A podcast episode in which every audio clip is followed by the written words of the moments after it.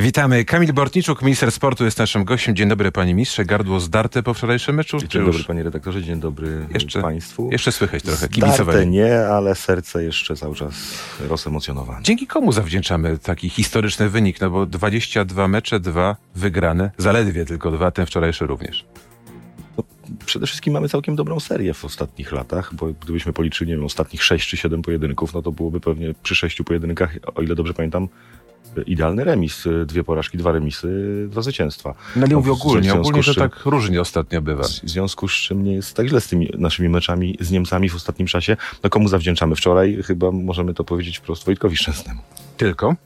Nie, no oczywiście, że całej drużynie, cała drużyna broni, cała drużyna atakuje, ktoś musiał strzelić bramkę, ktoś musiał wy- wywalczyć ten rzut rożny, ktoś musiał przeprowadzić kilka tych a- ataków, które A trener dał radę?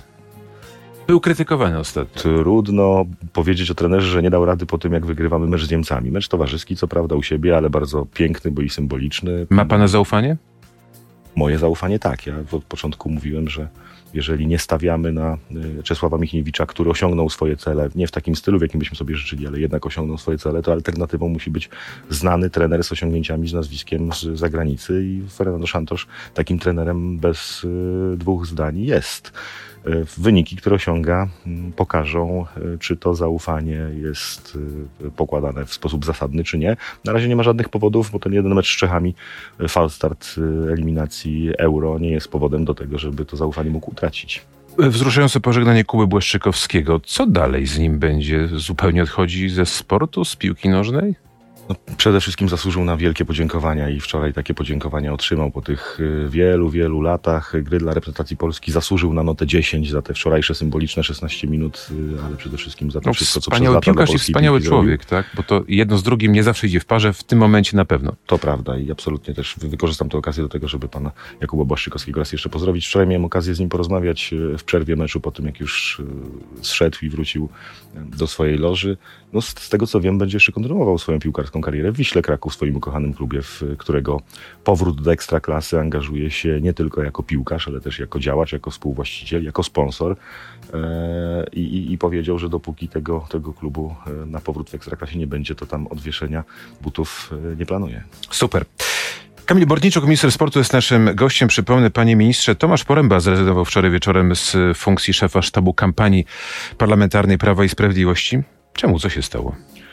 No, ja tego nie wiem. Była to dla mnie częściowo zaskakująca informacja. No, ale Chyba dla rozumiem, większości z nas. E, No, ale też wiedzieliśmy po ostatnim posiedzeniu klubu parlamentarnego, że rzeczywiście kampania potrzebuje restartu i takiego słowa użył prezes Jarosław Kaczyński, przemawiając do, do, do posłów i senatorów klubu No parlamentarnego. ale jeśli wierzyć wpisowi na. Twitterze y, pana Poręby, to prezes nie przyjął tej dymisji wczorajszej. No, jeśli wierzyć. Ja natomiast nie znam y, kuluarów tej decyzji, też nie jestem członkiem sztabu i w jego pracach, pracach nie uczestniczę. Natomiast no, rzeczywiście można powiedzieć, że po pierwsze z niewolnika nie ma pracownika, więc jeżeli Tomasz Poręba z jakiegoś powodu poczuł, że nie jest w stanie tej kampanii poprowadzić z taką energią, z taką siłą e, i ostatecznie z sukcesem, to zdecydował się odejść lepiej teraz niż później, bo jest jeszcze na tyle dużo czasu, że tę kampanię rzeczywiście można zrestartować i poprowadzić w taki sposób, który da nam ostatecznie w październiku zwycięstwo wyborcze i trzecią Nie kadencję dał- rządu Zjednoczonej Prawicy. Nie dał rady, bo był wypalony, czy nie dał rady, bo był atakowany? Co też nie jest tajemnicą, bo publicznie tak, takie, takie sytuacje były. Ty, tych ataków wielu nie, wielu nie było i one nie pochodziły bezpośrednio z e, naszego obozu politycznego. W, ja Trudno mi się wypowiadać za Tomasza Porębę. Myślę, że będzie okazja do tego, żeby zapytać go bezpośrednio, co się stało. E, Ja chcę widzieć w tej decyzji wyraz odpowiedzialności za obóz Zjednoczonej Prawicy, za tę kampanię. Jeżeli Tomasz Poręba nie czuł się na siłach, aby ją dalej prowadzić, to lepiej, że zrezygnował teraz, niż miałby to zrobić później, bo tak jak powiedziałem, jest jeszcze na tyle dużo czasu, żeby tę kampanię zrestartować i poprowadzić w taki sposób, który nam zapewni zwycięstwo. To nie jest dowód, panie ministrze, że tam buzuje, że tam jest tak duża walka bulldogów pod dywanem, jak to się mówi, y, że on musiał zrezygnować, bo nie dawał rady po prostu. Konflikt interesów jest ogromny dzisiaj w, w obozie Zjednoczonej Prawicy i w sztabie. Zapewniam, że wcale nie jest tak źle, jakby niektóre media chciały to widzieć. Obóz Zjednoczonej Prawicy jest zjednoczony, pójdziemy do wyborów zjednoczeni pod jedną flagą, o tym jestem przekonany. E, Nie wiem, jakie do końca czynniki tam zdecydowały o tym, że Tomasz Poręba zdecydował się na taki krok. E, Ja powtórzę jeszcze raz, chciałbym w tym widzieć wyraz odpowiedzialności za los Polski, za los naszego obozu, więc jeżeli ktoś nie czuje się na siłach, to lepiej, żeby to powiedział wcześniej, niż prowadził kampanię, nie angażując się z nią w 100%, albo czując, że nie jest w stanie dać tego, czego Co się stało, panie ministrze, że właśnie tak mocno oczekuje. y, publicznie I Tomasz Poręba krytykował Adama Bielana, czyli szefa Partii Republikańskiej, w której pan też jest y, przecież członkiem. Tak mocno też skrytykował Marcina Mestelerka, dzisiaj człowieka właściwie poza polityką. To pokazuje, że naprawdę tam jest wielki konflikt interesów. Nie, to naprawdę nie pokazuje konfliktu, ale rzeczywiście to była pierwsza sytuacja, kiedy zacząłem zastanawiać się, skąd e, taka mocna reakcja mm, Tomasza Poręby. Każdy, kto słyszał wywiad Adama Bielana, to wie, że Adam raczej łagodził tezy dość mocne stawiane, czy ataki na kampanię, które przeprowadzał dziennikarz w trakcie tego wywiadu, a nie dokładał od siebie, raczej łagodził te ataki. Natomiast Marcin Mastalerek jest dzisiaj komentatorem trochę rzeczywiście z zewnątrz polityki, komentatorem, któremu leży na sercu dobro Zjednoczonej Prawicy, w związku z czym E, uwagi płynące ze strony takich ludzi należy przyjmować z pokorą i wyciągać z nich konstruktywne wnioski, a nie się na nie obrażać. To kto teraz powinien zająć jego miejsce? No bo czasu już niewiele. To nie jest e, moja kompetencja, to nie jest moja decyzja, to jest decyzja najwyższych władz Zjednoczonej Prawicy i Prawa i Sprawiedliwości, bo jednak jest to sztab Prawa i Sprawiedliwości, w no związku no dobrze, z czym ja, ale... nie będę, ja nie będę sugerował ale tutaj Prawo i Sprawiedliwość jest najważniejszą partią w tym obozie Zjednoczonej Prawicy. Panu też powinien zależeć na takim szefie, który byłby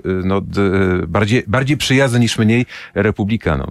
Ja powiem tylko tyle, że myślę, że dobrym rozwiązaniem byłoby, żeby rzeczywiście przedstawiciele wszystkich partii Zjednoczonej Prawicy mieli, znaleźli się w tym sztabie, żeby rzeczywiście cała Zjednoczona Prawica miała, to dopiero byłby konflikt. miała możliwość pracy. Wyobraża sobie wierzyć, współpracę ludzi premiera z ludźmi ministra proszę sprawiedliwości? mi wierzyć, że większość konfliktów w obozie Zjednoczonej Prawicy jest przedstawiana w mediach w sposób wyolbrzymiony. Y Tomasz Poręba bardzo mocno krytykował Adama Bielana za to, co dzieje się w NCB Jerze. Wiem, że pan tam nie pracuje, ale jednak Adam Bielan jest pana szefem.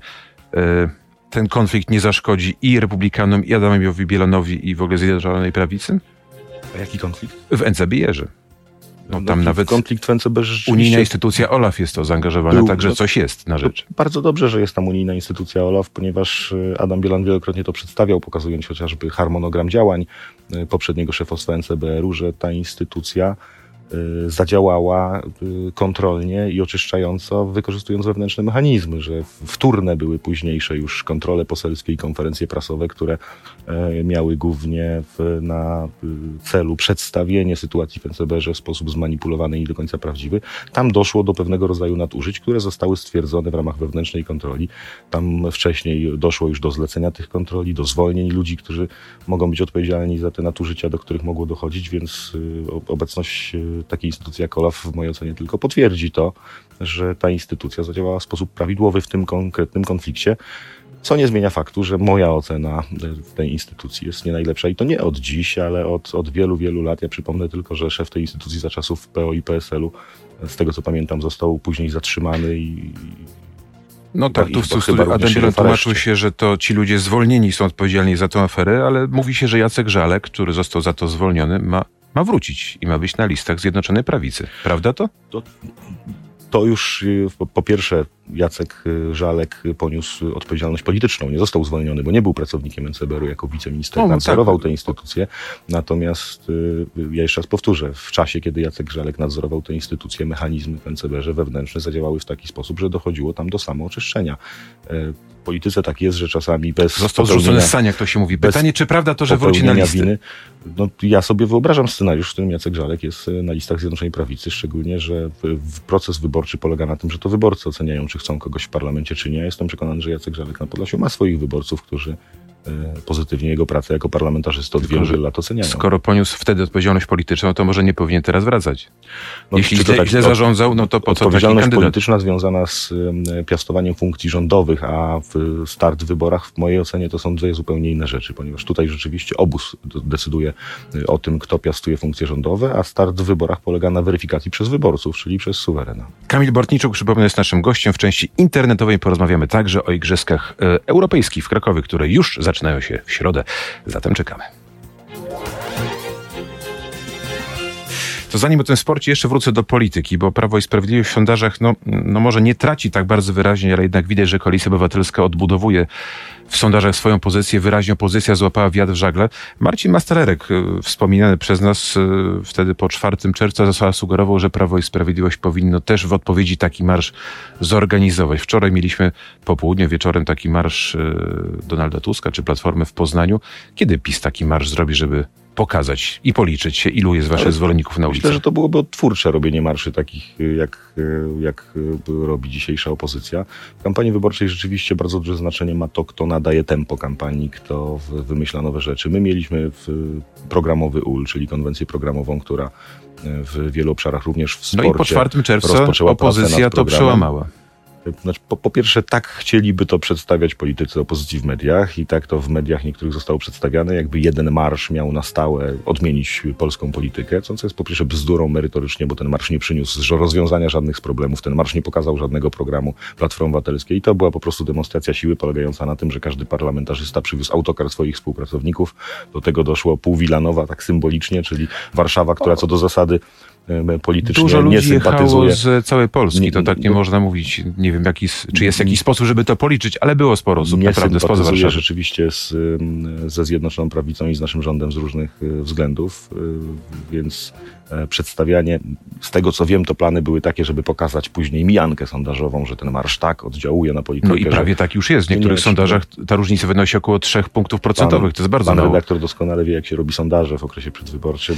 W nie wiem, nie robiłem, ale potrafię obserwować i rzeczywiście tam są różne nie sytuacje. Pokazują, sondaże sztabowe nie pokazują żadnej takiej sytuacji, która by wskazywała na możliwość mijanki sondażowej. Zjednoczona Prawica jest liderem tych sondaży i to mocnym liderem e, z czwórką z przodu.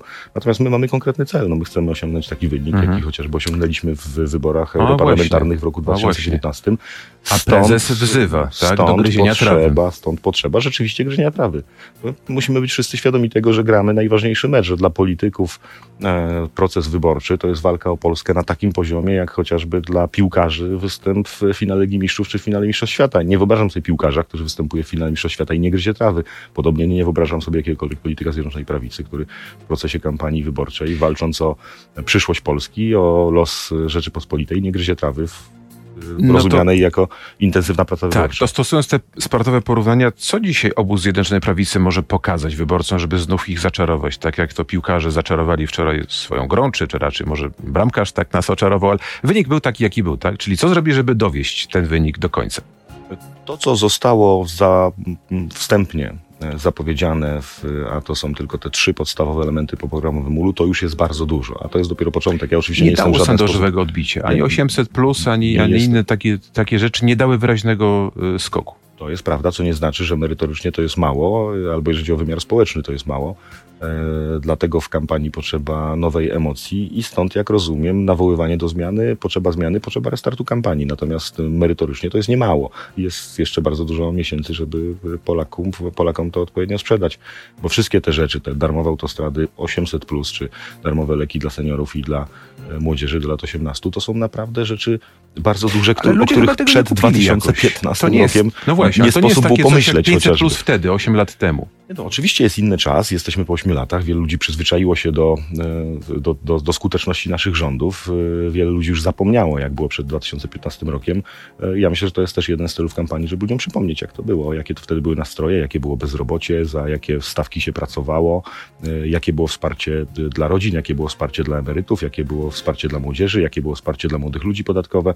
My naprawdę mamy całą masę sukcesów i osiągnięć, które, jak to często mówimy w naszym obozie, w sytuacji równowagi na rynku medialnym w Polsce spowodowałyby, że my nie mielibyśmy żadnych problemów z no przekroczeniem tylko, 50% poparcia. Tylko może to za mało, to, biorąc pod uwagę te sondaże i wyraźny wiatr żagle, który odzyskała ostatnio opozycja, może to jest po prostu za mało. Co, co usłyszymy za tydzień na konwencji w Łodzi? To za tydzień usłyszymy to, co usłyszymy za tydzień. To pan redaktor nie wyciągnie ode mnie tych informacji e, wcześniej, chociaż nie twierdzę, żebym wiedział. E, natomiast przed nami cała kampania. Ja jestem przekonany, że sztabowcy mają plan na tę kampanię. My mamy, jeszcze raz powtórzę, całą masę sukcesów z tych y, ośmiu lat. Warto je przypominać. My przede wszystkim zbudowaliśmy coś, co było w polityce deficytowe w całej III Rzeczypospolitej, czyli wiarygodność. My jesteśmy pierwszym obozem, który jak coś obiecuje, to to robi, co u niektórych wręcz powoduje lęk, bo niektórzy się boją tego, A opozycja że... uważa inaczej, opozycja was krytykuje także za różnego rodzaju Op e, opozycja ma afery. Może to jest coś, co was opozycja ciągnie dzisiaj w dół. Coś, natomiast co... ta krytyka jest nieuzasadniona. E, w tym studiu nawet chyba rok temu o tej porze, znaczy, no może tak, rok temu o tej porze Joachim Brudziński takie zrobił wezwanie wtedy publiczne do tłustych kotów w obozie Zjednoczonej Prawicy. Może to jest coś, co was ciągnie w dół. Ale w jaki sposób ciągnie w dół? Bo w, tej, w tym pytaniu zawarta jest nieprawdziwa teza. Przecież my cały czas utrzymujemy poparcie jeszcze raz powtórzę, realne wśród wyborców zdecydowanych z czwórką z przodu tak zwaną, czyli na 4, ponad Ale 40%. tracicie przewagę w tych po, po sondażach. niemalże 8 latach rządów, y, jak widziałem tylko Tomasz jeden... Poręba odchodzi. To nie ja jest widziałem tak, tylko że... jeden sondaż, y, który pokazał, że straciliśmy y, przewagę, w sensie, że straciliśmy e, rolę lidera i to nie był sondaż wiarygodny, wyraźnie na zlecenie polityczne po to, żeby pod, pod, podbić emocje po marszu 4 czerwca. Żadnej takiej stałej zmiany w polityce nie widać. My oczywiście, szacuję, mamy inne cele, my mamy inne ambicje. My już raz pokazaliśmy, że potrafimy osiągać poparcie na poziomie 45%, które de facto gwarantuje samodzielną władzę dla Zjednoczonej Prawicy i to jest nasz cel. To jest cel, do No którego samodzielnej możemy władzy to samo w tym roku nie dostaniecie. Takiej możliwości raczej nie ma, przynajmniej na razie, według sondaży. Panie redaktorze, no jesteśmy ambitnym obozem, jesteśmy ambitnymi, ambitnymi ludźmi, podobnie jak wczoraj, wczoraj polscy piłkarze ambitnie grali z Niemcami, osiągnęli bardzo dobry wynik. Tak i my będziemy ambitnie na tym politycznym boisku walczyć o to, żeby osiągać wynik, który już nieraz nam się osiągać udało. Jeszcze raz powtórzę, mamy ku temu wszelkie dane, jeżeli chodzi o merytorykę, o realizację programu, o to, jak zmieniło się życie w Polsce, o to, jak jest dzisiaj bezrobocie, o to, ile jest miejsc pracy, o to, jak rosną zarobki e, i o to, jak dbamy o poszczególne grupy społeczne. Po co Jarosław Kaczyński miałby wrócić do rządu? To nie jest y, pytanie do mnie. To naprawdę pyta pan o rzeczy, które są zdecydowanie powyżej No, ale jest pan członkiem rządu. Jarosław Kaczyński jest liderem obozu, więc jego powrót do rządu zawsze będzie naturalny i nigdy nie będzie mógł być przez kogokolwiek kontestowany, więc y, to- jest absolutnie podstawowy powód. Przełoży się to na sondaże? Natomiast to jest y, kwestia wyboru Jarosława Kaczyńskiego. Ja nie wiem, czy Jarosław Kaczyński taką decyzję podjął i czy Jarosław Kaczyński taką decyzję podejmie. Dla mnie zawsze byłoby wielkim honorem móc zasiadać w jednym rządzie z Jarosławem Kaczyńskim. Ja wiem, że to nie jest pana resort, ale to jest y, sprawa głośna. Mówi o referendum w sprawie przymusowej relokacji uchodźców w Europie, która by dotyczyła także i Polski. Jeśli to referendum rzeczywiście by doszło do skutku i miałoby tu w Polsce wymiar wiążący, no to jak przekonać Europę, która ma zupełnie inne zdanie na ten temat, y, jak sprawić, żeby to Polska, nie Europa tutaj w tym momencie miała coś do powiedzenia? My toczymy w taki, taki spór jakiegoś czasu nad tym, które prawo jest wyższe w Polsce, czy, czy prawo polskie, czy prawo europejskie i w jakich aspektach. Natomiast no, konstytucja i intuicja wszystkich Polaków mówi wprost, władza zwierzchnia e, należy do narodu, w związku z czym nie wyobrażam sobie, żeby jakikolwiek e, unijny urzędnik mógł kontestować e, wolę narodu wyrażoną w referendum, czyli w tej formie analogicznej do wyborów powszechnych. Jeżeli to referendum miałoby odpowiednią, przewidzianą prawem frekwencję i odpowiedni wynik, to myślę, że jest to wskazówka, e, a nawet nie wskazówka, taki, taki rozkaz wydany przez obywateli dla wszystkich polskich polityków w zakresie zachowania w No tylko, że dla urzędników Brukseli to nie kontekście. musi być wiążący dokument. Mogą powiedzieć, okej, to, to, to, to są wasi No to to rozpocznie, myślę, wyborcy, ale myślę, my że- myślimy inaczej. Myślę, że kolejną debatę mogłoby to rozpocząć na temat tego, gdzie jest miejsce prawa europejskiego w systemach praw e, krajowych, jeżeli nawet wynik, wiążący wynik referendum, czyli narodu, władzy, władzy zwierzchniej, miałby być kontestowany przez urzędników, którzy żadnych e, Mhm. wyborów nigdy nie wygrali, bo żadnym wyborom nie podlegają. No ale to będzie znów konflikt duży z Unią Europejską.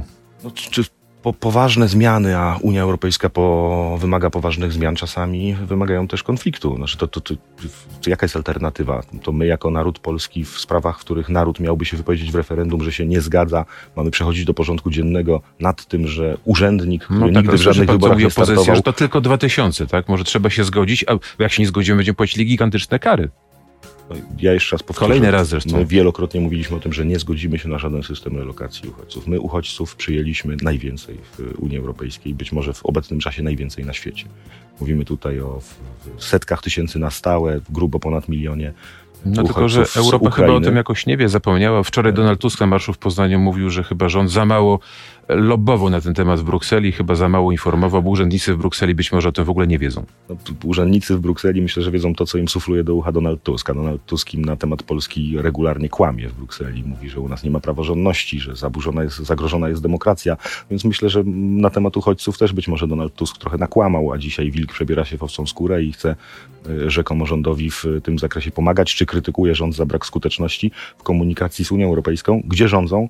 Y, Przypomnijmy, że Donald Tusk pełnił bardzo ważną funkcję w Europejskiej, a dzisiaj, o ile dobrze pamiętam, jest ciągle przewodniczącym Europejskiej Partii No Ludowej. i liderem opozycji. Europejskiej Partii Ludowej, która rządzi. Dziś już chyba jedynym. Y, Minister sportu jest naszym gościem. Przypomnę, 5 minut tam zostało do końca, więc wrócę raz jeszcze do tematów sportowych. Igrzyska Europejskie przed nami w Krakowie.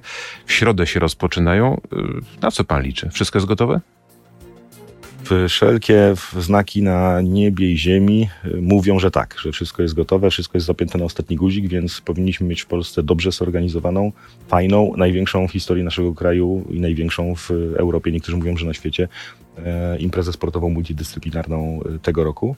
A sceptycy mówią, że trochę niepotrzebną, a na pewno bardzo kosztowną. Sceptycy zawsze mogą w, krytykować wszystko, takie też jest prawo polskiej opozycji, że często wszystko krytykuje, a ta impreza ani nie jest bardzo kosztowna, a przede wszystkim jest bardzo potrzebna i to pod wieloma względami. Przede wszystkim mówiliśmy o kampanii w kontekście restartu. Ta impreza też jest restartem Igrzysk Europejskich, jako Igrzysk kontynentalnych w odpowiednim wymiarze. My zadbaliśmy o to przez te ostatnie kilkanaście miesięcy prac we współpracy z Europejskim Komitetem Olimpijskim i mm, różnymi federacjami w różnych dyscyplinach, żeby wymiar sportowy tej imprezy był absolutnie na najwyższym poziomie, dlatego że wszystkie dyscypliny będą rozgrywane w randze Mistrzostw Europy albo bezpośrednich kwalifikacji olimpijskich do Paryża. Mamy zagwarantowany udział absolutnie najlepszych zawodników e, w poszczególnych dyscyplinach.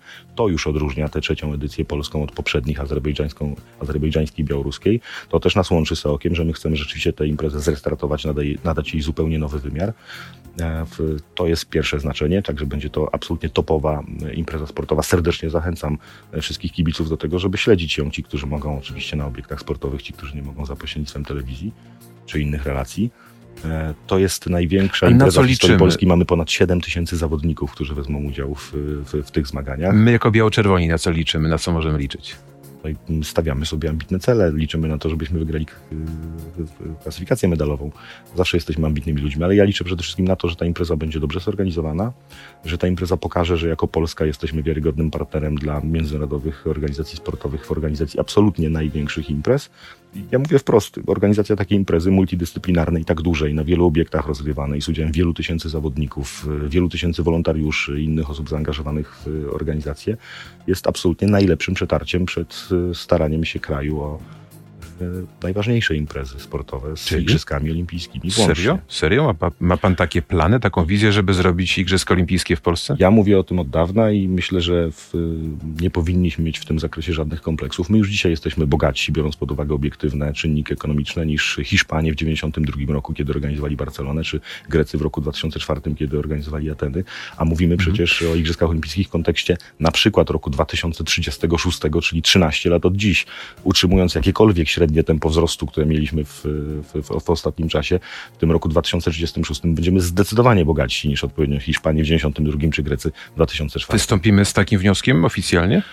W mojej ocenie wszystko zależy od tego, jak wypadną Igrzyska Europejskie. Ja zawsze o tym mówiłem, że Igrzyska Europejskie są taką formą przetarcia i musimy sami sobie i światu udowodnić, że jesteśmy w stanie e, takie imprezy największe. Mieliśmy oczywiście Euro, mieliśmy Mistrzostwa Świata w poszczególnych dyscyplinach, ale jeszcze nie mieliśmy nigdy tak wielkiej e, imprezy jak Igrzyska Europejskie, bo to jest naprawdę wielka impreza. Jeszcze raz powtórzę, 7 tysięcy zawodników w jednym czasie e, na wielu, wielu arenach, multidyscyplinarna.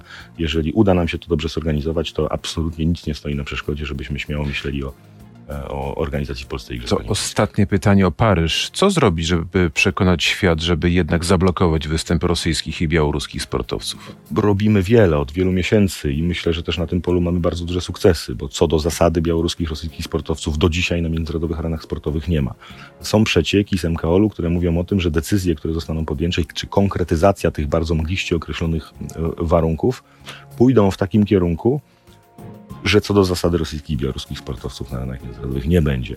Problem polega na tym, i ja tutaj się nie zgadzam z MKOL-em, że mm, rosyjscy i białoruscy sportowcy przedstawią to wówczas w swoich krajach jako swoją honorową decyzję, niemożliwość spełnienia tych warunków, że oni jako Rosjanie nie podpiszą żadnych dokumentów, które w jakikolwiek sposób będą ich dystansować od rosyjskiej armii czy od y, ataku Rosji na Ukrainę e, i będzie to wykorzystane przez y, rosyjską propagandę jako honorowe zachowanie ich sportowców. A ja mm. uważam, najzwyczajniej w świecie, że w takiej sytuacji powinni być z hukiem wyrzuceni. Mamy jeszcze rok, więc ze, może uda się zmienić sportowej. opinię świata. Dziękuję bardzo. Kamil Bortniczuk, minister sportu, był naszym gościem. Bardzo dziękuję. Miłego. Dobrego i spokojnego Jeszcze raz serdecznie wszystkich Państwa zapraszam do, do śledzenia Igrzysk Europejskich. E, takiej imprezy nie było. Przede wszystkim 21 ceremonia otwarcia na kształt absolutnie ceremonii tak otwarcia. Tak się składa, że na antenie RMF-u dużo o tym mówić będziemy. Dziękuję Panie Ministrze. Dziękuję do zobaczenia, do usłyszenia.